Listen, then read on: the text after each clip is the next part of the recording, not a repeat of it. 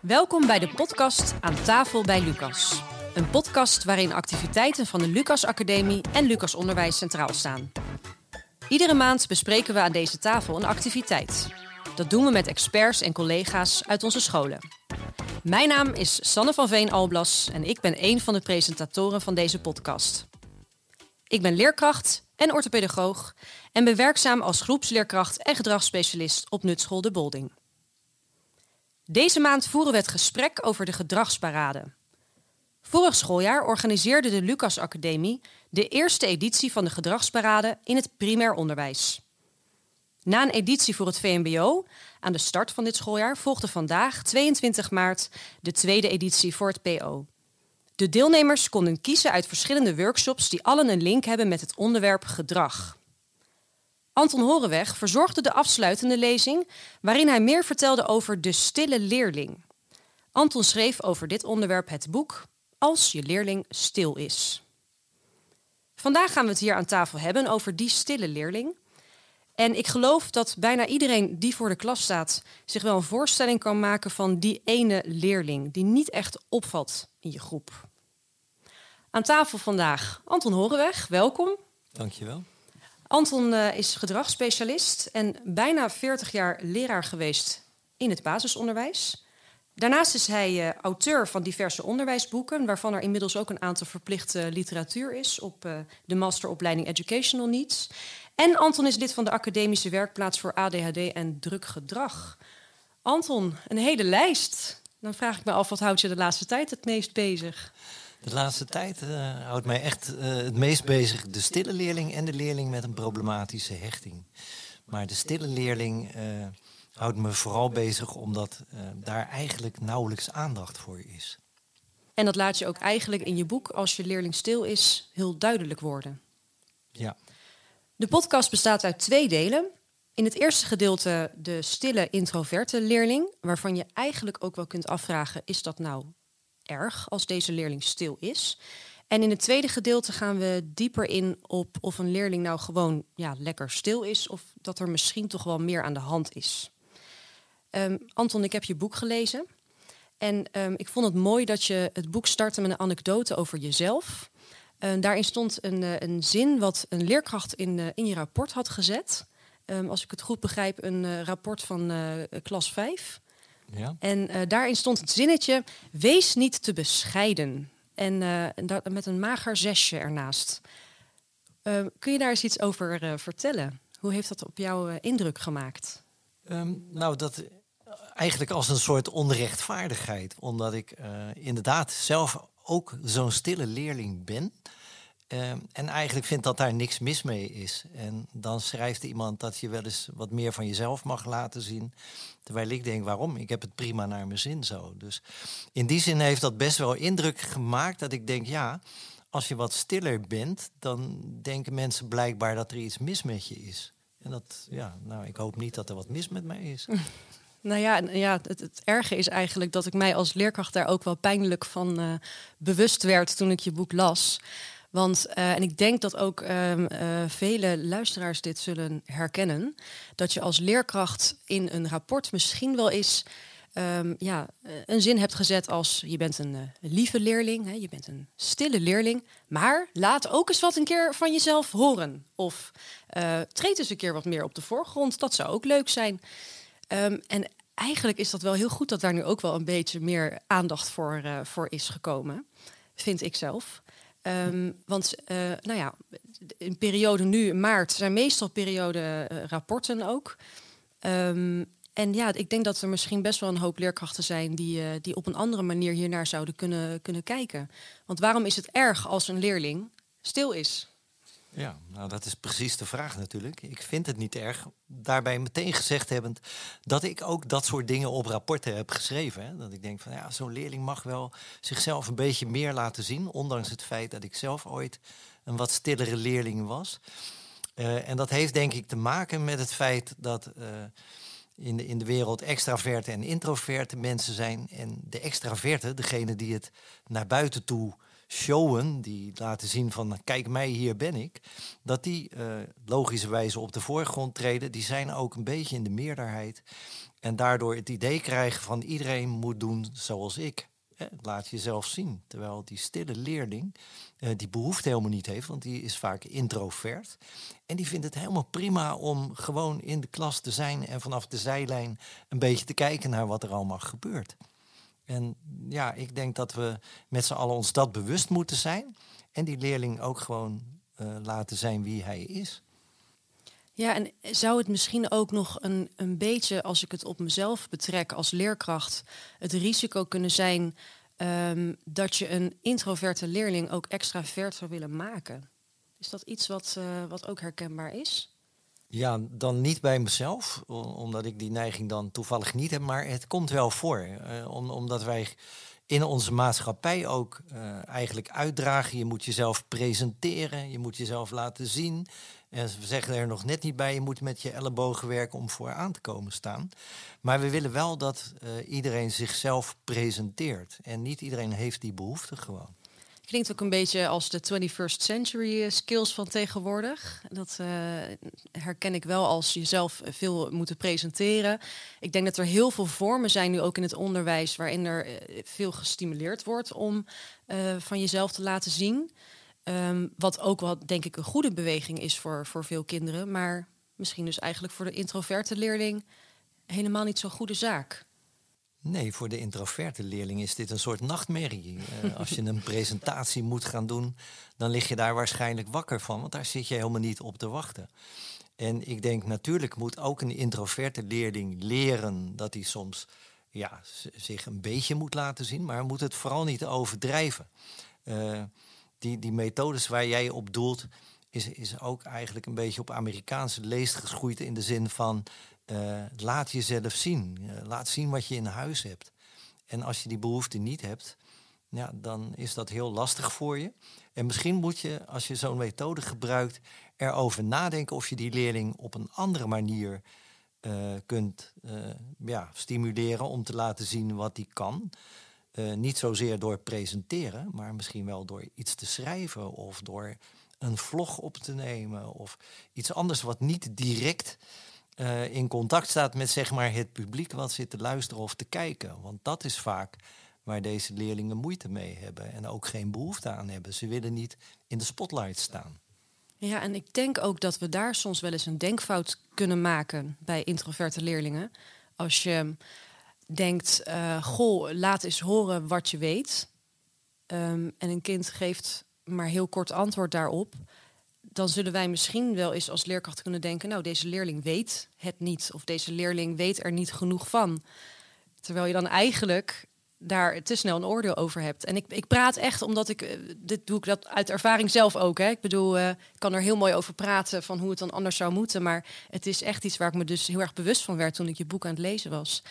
En uh, wat voor tips zou je dan hebben om, um, om zo'n leerling dan, dan te helpen? Dus als je het echt hebt over het, het testen van kennis bijvoorbeeld. Uh, ik denk dat je dan die leerling uh, wat extra tijd moet geven. Ik herken het ook heel erg bij mezelf. Op het moment dat iemand een vraag stelt, ga ik echt nadenken over het antwoord van hoe formuleer ik heel precies dat antwoord. Ik flapper dus niet iets uit wat bij een extravert kind veel makkelijker gaat. Want die denkt, oh, dan weet ik en hop, daar komt het antwoord. En een introverte leerling heeft vaak wat meer tijd nodig om zorgvuldig te formuleren wat hij nou weet. En dat naar buiten te brengen. Dus het zou hem helpen als hij wat meer de tijd krijgt. Of als hij van tevoren weet van nou, deze vraag ga ik dadelijk aan jou stellen. Want ik denk dat jij daar een heel goed antwoord op hebt. En dan kan zo'n leerling dat als het ware voorbereiden. Het kan ook helpen om uh, een leerling iets te laten opschrijven uh, in plaats van uh, meteen te presenteren. En dan kan die het eventueel oplezen. En dat is al drempelverlagend. Ja, bijvoorbeeld wisbordjes of zo, zit ik dan zo te denken. Ja, dus wisbordjes zijn absoluut eigenlijk voor alle kinderen een goed idee. Hè? Maar ook uh, voor introverte leerlingen, omdat je als je werkt met vingers opsteken ook ziet dat degenen die snel hun vinger opsteken en een antwoord geven, zijn vaak extraverte leerlingen. En die introverte leerling is nog aan het nadenken van hoe ga ik dit precies zeggen. Dan is het antwoord al gegeven. Dus in die zin is dat zeker helpend. Ja, en dat vind ik dan ook een mooie terugkoppeling naar, naar je boek, waarin je eigenlijk beschreef dat we uh, die extraverte leerlingen, die we toch ja, vaak inderdaad sneller zien, um, dat die ook eigenlijk doorgaans meer feedback krijgen van ons. Um, en geven wij hen dus misschien vaker ook complimenten, terwijl misschien de introverte leerling daar ook net zoveel, misschien zelfs wel meer behoefte aan heeft. Ja, in ieder geval evenveel. En wat er natuurlijk in de klasse automatisch gebeurt, en dat herken ik ook bij mezelf hoor, dat een leerling die uh, heel erg druk is bijvoorbeeld, en een keertje zijn mond houdt, dat je die een compliment gaat geven. Of goh, wat leuk dat je nu lekker rustig luistert en niet voor je beurt praat. Terwijl die introverte leerling helemaal nooit voor zijn beurt praat. Maar niemand zegt tegen hem, goh, wat leuk dat jij niet voor je beurt praat. Dus die wordt vergeten als het ware. Terwijl uh, die net zoveel behoefte heeft om gezien te worden. Dat is ook wat ik uh, meen aan het begin van het boek heb geschreven van introverte leerlingen zijn niet zielig als de leerkracht ze maar ziet. Dus zeg je daar eigenlijk ook wel mee, je zou zo'n introverte leerling dan helemaal niet moeten veranderen? Um, nou, je zou hem net zo moeten veranderen als je hele drukke leerlingen verandert. Dat wil zeggen, iemand die druk is, zeg je ook wel eens tegen van joh, doe nu maar even wat rustiger. En bij een introverte leerling zou je ook best kunnen zeggen van joh, uh, het is fijn dat je rustig bent, maar ik wil toch graag even dat je nu dit of dat laat zien of vertelt of presenteert dus je moet, je, je moet er wat bewuster mee omgaan. Dus je moet er niet overheen walsen van... kom op, we gaan allemaal Just Dance doen en jij doet ook mee. Maar er zijn ook momenten waarop dat wel moet. Uh, bijvoorbeeld als je een uitvoering hebt met de klas... Ja, dan zou je kunnen bespreken van, joh, we hebben een uitvoering. Dus leuker uh, als iedereen meedoet. Dus ook jij, ook al vind je dat eigenlijk niet zo heel leuk. Dus soms moet je de grens wat oprekken. Soms helpt een steuntje ook. Hè? Want uh, dat is soms ook gewoon nodig om net dat hobbeltje over te komen. En dan blijkt het toch niet zo moeilijk als die leerling dacht. Maar dat doe je eigenlijk met andere leerlingen ook. En dat is met deze leerling niet anders. Dus je biedt eigenlijk toch wel tools ook wel aan deze, aan deze leerlingen. Ja, je biedt wel tools, maar met de uitdrukkelijke gedachte erachter van... Uh, ik wil niet de boodschappen uitstralen dat die stilte, die rust, dat dat niet oké is. Dat je een soort van ja, raar kind bent omdat je nooit uh, uit jezelf iets gaat zeggen. Want dat is helemaal prima. Alleen je moet bepaalde vaardigheden wel leren. Maar ik vind dat je als leerkracht moet bedenken van is deze vaardigheid dan echt per se nodig? Uh, ik, ik, ik moet altijd aan de spreekbeurten denken. Dan denk ik, hoeveel volwassenen staan er voor een zaal te praten? Dat zijn er niet heel veel. En dat waren waarschijnlijk ook geen introverte mensen. Dus waarom willen wij zo graag dat een kind een spreekbeurt houdt en zichzelf presenteert? Ik zet daar vraagtekens bij en ik zou dat in mijn team ter discussie willen stellen. Nou, en ik, ik denk dat dat soort dingen ook tegenwoordig wel wat meer uh, vorm hebben gekregen. Als ik kijk naar bijvoorbeeld een, een, uh, het presenteren van een boek. Dat is heel vaak nu ook een, een boekendoos geworden. Waarbij een kind een, um, eigenlijk een soort presentatie in de vorm van een uh, uh, knutselwerk maakt. En, en soms wordt dat ook nog wel gepresenteerd. Maar soms wordt daar ook gewoon uh, naast gestaan en mag je er langslopen als tentoonstelling. En als je een vraag hebt, mag je die stellen aan diegene. En dan krijg je misschien een antwoord. En misschien krijg je een kort antwoord. Misschien krijg je een lang antwoord. Misschien krijg je geen antwoord. Maar ik denk dat dat wel mooie alternatieven zijn. En volgens mij zei je ook al net een uh, filmpje opnemen dat er kinderen zijn die um, ja, een spreekbeurt van tevoren opnemen. Um, dat zijn toch wel, denk ik, dingen waar je een kind heel erg aan uh, tegemoet uh, kan, kan ja, waar je een kind tegemoet in kan laten komen. Ik denk dat dat absoluut helpend is. En waar het eigenlijk voortdurend om gaat, is dat je als leerkracht de afweging maakt van moet dat kind dit leren? Is dat nodig ergens voor? Of is dat eigenlijk niet nodig, maar is dat omdat we het altijd zo gedaan hebben. Dus het is eigenlijk voortdurend bezig zijn met je onderwijsproces vormgeven, vind ik. Uh, en met dit keer in gedachten die introverte leerling. Ja, en um, als ik nou toch een vraag kan stellen, dan persoonlijk ook, als, uh, als je daar oké okay mee bent. Ja. Um, want um, uh, het boek begint dus eigenlijk over Anton, hè, de leerling die, uh, die stil was. Um, nou, inmiddels sta je op congressen, op scholen. En uh, ik heb je ook net zien, uh, zien presenteren bij de gedragsparade. Um, en daar zie ik dan iemand die uh, goede skills heeft om, om tegen een hele groep te praten. Is dat dan soms nog steeds een moment dat je denkt: hey, ik, ik voel me daar niet prettig bij? Is dat iets wat veranderd is in de tijd? Nee, dat is echt veranderd. En dat is gekomen omdat ik het onderwijs ben ingegaan. En het is in zekere zin ook een rol, omdat je als leerkracht gewoon interactie hebt met je klas. Dus daar leer je dat als het ware. En het heeft te maken met, met een vak waar ik helemaal gek van ben, het onderwijs. Dat scheelt ook. Uh, maar als je mij privé zou tegenkomen, ben ik niet degene die uh, op een bruiloftsfeest, bij van spreken, daar een verhaal gaat staan vertellen over de bruid en bruidegom. Dan denk ik, nee, laat mij maar lekker in de zaal zitten, ik kijk wel mee. Maar uh, voor mijn vak is het noodzakelijk dat ik duidelijk kan presenteren. En ja, daar is dan op een gegeven moment dit soort presentaties bijgekomen. En dat bleek wonderwel goed te gaan. En dat had ik van tevoren zelf in ieder geval niet gedacht. Ja, nou daar kan ik zeker eh, mee instemmen. Het was, uh, het was uh, zeker fijn om naar te luisteren en heel veel herkenbare dingen als ik kijk naar, naar de eigen praktijk. Um, hoe, hoe kunnen wij er nou eigenlijk voor zorgen dat als wij, want ik, ik denk dat de meesten toch wel een, een leerling in gedachten hebben hè, die aan het luisteren zijn. Um, hoe, hoe zorgen wij er nou voor dat we dan toch tegemoetkomen aan de behoeften van die leerling? Dus nog los van het feit dat we checken of de kennis is overgekomen of dat ze de instructie hebben begrepen. Maar hoe kunnen we er ook voor zorgen dat zij zich persoonlijk uh, genoeg benaderd voelen? Dus um, er, er, zijn kinderen die bijvoorbeeld op het schoolplein gezellig naar je toe komen, die maken een praatje. Uh, maar er zijn ook kinderen, dan probeer je om even een praatje mee te maken, maar er, komt dan op dat moment bijvoorbeeld niet veel uit dan, ja, mijn weekend was leuk. Um, en, en, dan denk ik wel eens, ja, toch zou ik graag wat meer van die leerling willen weten, maar ik wil hem ook niet overvragen. Nee. Hoe geef je dan toch die aandacht? Ja, dat herken ik wel. Uh, want je bent uiteraard vol goede, goede bedoelingen en je wil ook contact met uh, een introverte leerling. Die houden vaak in de eerste instantie de boot een beetje af. Dat, uh, dat blijkt overigens ook uit onderzoek dat leerkrachten introverte leerlingen het lastigst vinden om mee om te gaan. Op die drukke leerling hebben ze wel een antwoord, maar een leerling die niks terugzegt, ja, dat maakt het ongemakkelijk. En ik zou bijna willen zeggen stug volhouden. Want het is een kwestie van een vertrouwensband opbouwen. Uh, en ik heb vandaag ook verteld over die 5 keer 2 interventie. Ik denk dat die heel goed toepasbaar is.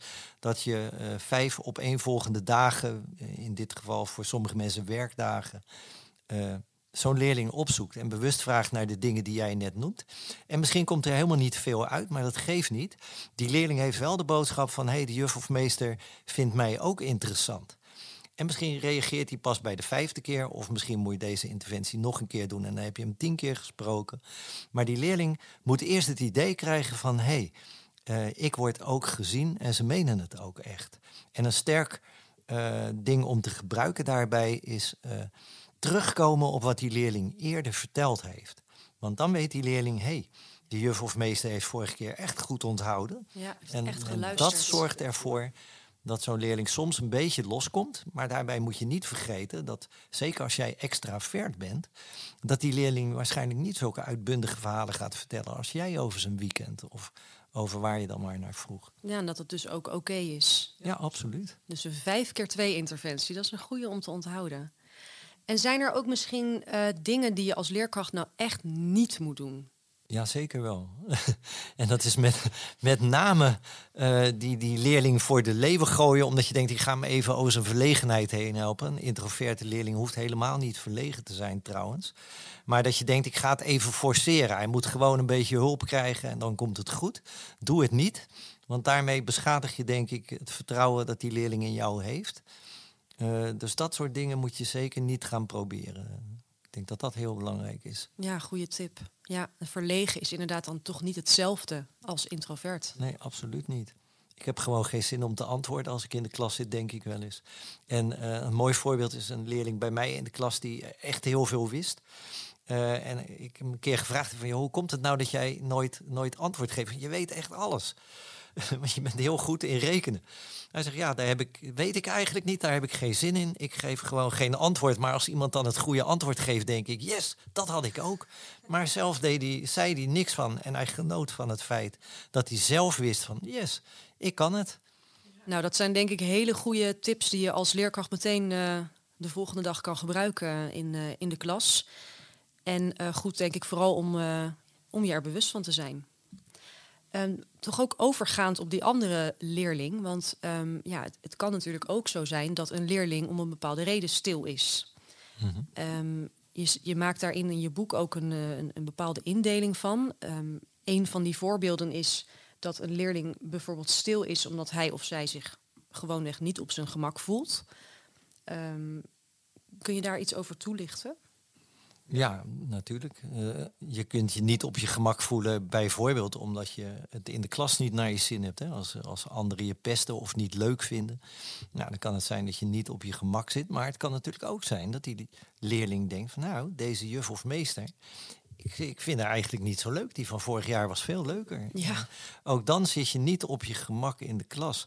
En als je het idee hebt van uh, de leerstof is echt veel te moeilijk of echt veel te makkelijk, dat heeft hetzelfde effect. Ook dan zit je niet op je gemak in de klas. Dus het kan heel veel oorzaken hebben waarom je als kind uh, ja, misschien aan de buitenkant er rustig uitziet, maar van binnen misschien best wel veel stress hebt, bijvoorbeeld. Ja, het is dan denk ik toch ook wel lastig om er dan achter te komen van, ja, is de leerling introvert? Of is er iets aan de hand? Hoe, hoe, hoe, ontdek je dat dan eigenlijk? Ja, en dat is ook meteen de moeilijkheid. Dat ontdek je heel vaak niet, hè? want zo eerlijk moeten we ook zijn. Ja, ja. Maar de basis uh, is, is eigenlijk van ons vak is contact zoeken met leerlingen en, en weten wat er speelt. En ik weet ook wel, niet alle leerlingen gaan, gaan dat vertellen.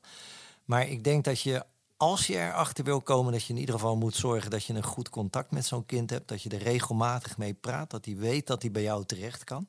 En dat jouw klassenklimaat zo is dat de leerling weet. Nou, als er moeilijkheden zijn op welk gebied dan ook. Ik kan er met de juf of de meester over praten. Dus dat is eigenlijk de enige manier waarop je er zomaar kunt achterkomen.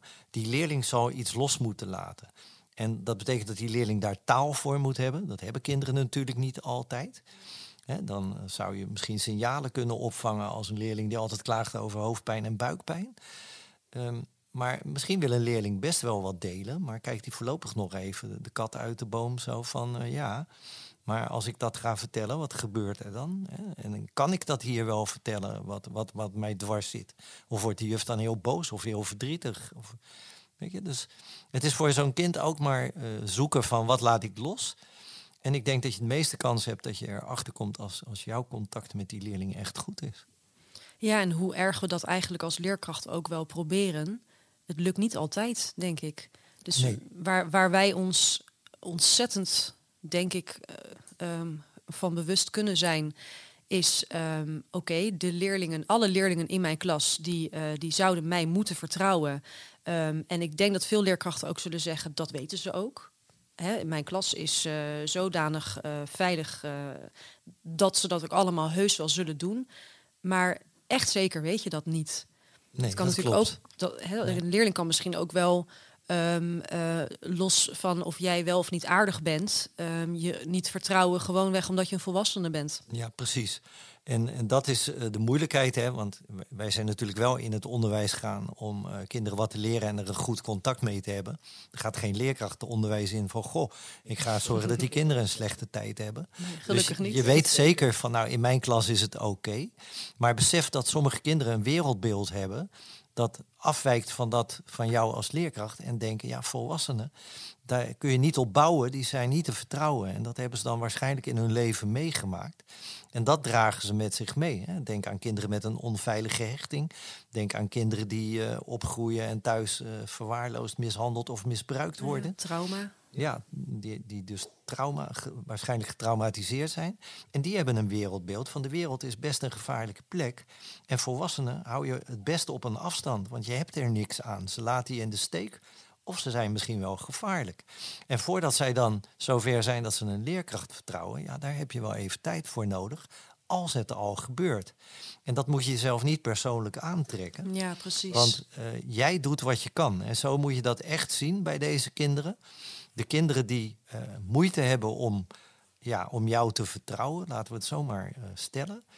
Dat ligt niet aan jou. Dat ligt aan het feit dat je een volwassene bent. Nou, daar kun je helaas niks aan doen. Dus moet je er ook niet, ja, eigenlijk niet mee zitten, hoe moeilijk dat ook soms kan zijn. Van ja, ik weet dat er wat met deze leerling is, maar het komt niet boven water. Ja. Dat is zoals het is. Ja, en, en misschien, en dat, dat hoop ik dan altijd, is er dan een ander iemand die dan een vertrouwensmaatje kan zijn. Bijvoorbeeld een, een kind. Een, een kind uit de klas. En ehm, ja, als je dan eh, pech hebt, uh, dan is het misschien een leerling die niet snel vrienden kan maken. Um, en dan probeer je dat misschien een beetje te stimuleren. Maar je hoopt dan toch als leerkracht op die manier dat een kind toch wel een beetje zijn, zijn ei kwijt kan. En, uh, en heel misschien zelfs wel um, dat de ouders daarin iets kunnen betekenen. Dat, dat ze toch iets kunnen loslaten over, ja, over misschien wel zorgen zijn vanuit huis ook.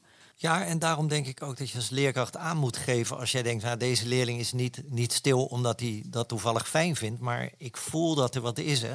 Want dat is vaak wat, wat we wel merken. Wij voelen vaak best wel aan van, ja, hier klopt iets niet, ik, ik, krijg er de vinger niet achter, maar het voelt niet goed.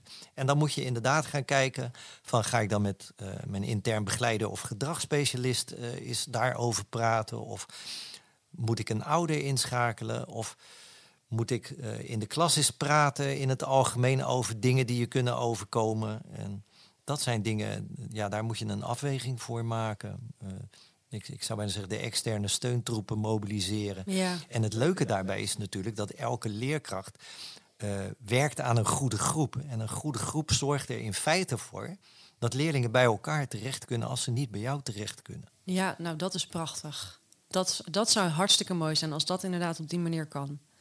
Ja. En heel vaak kan dat ook. Ik, ik, ik, weet uit ervaring, en dan merk je dat ik oud word, uh, dat, dat kinderen heel zorgzaam zijn voor elkaar. Als jij in school, hè, want het beste is in de hele school, uh, kinderen leert om uh, om te kijken naar elkaar.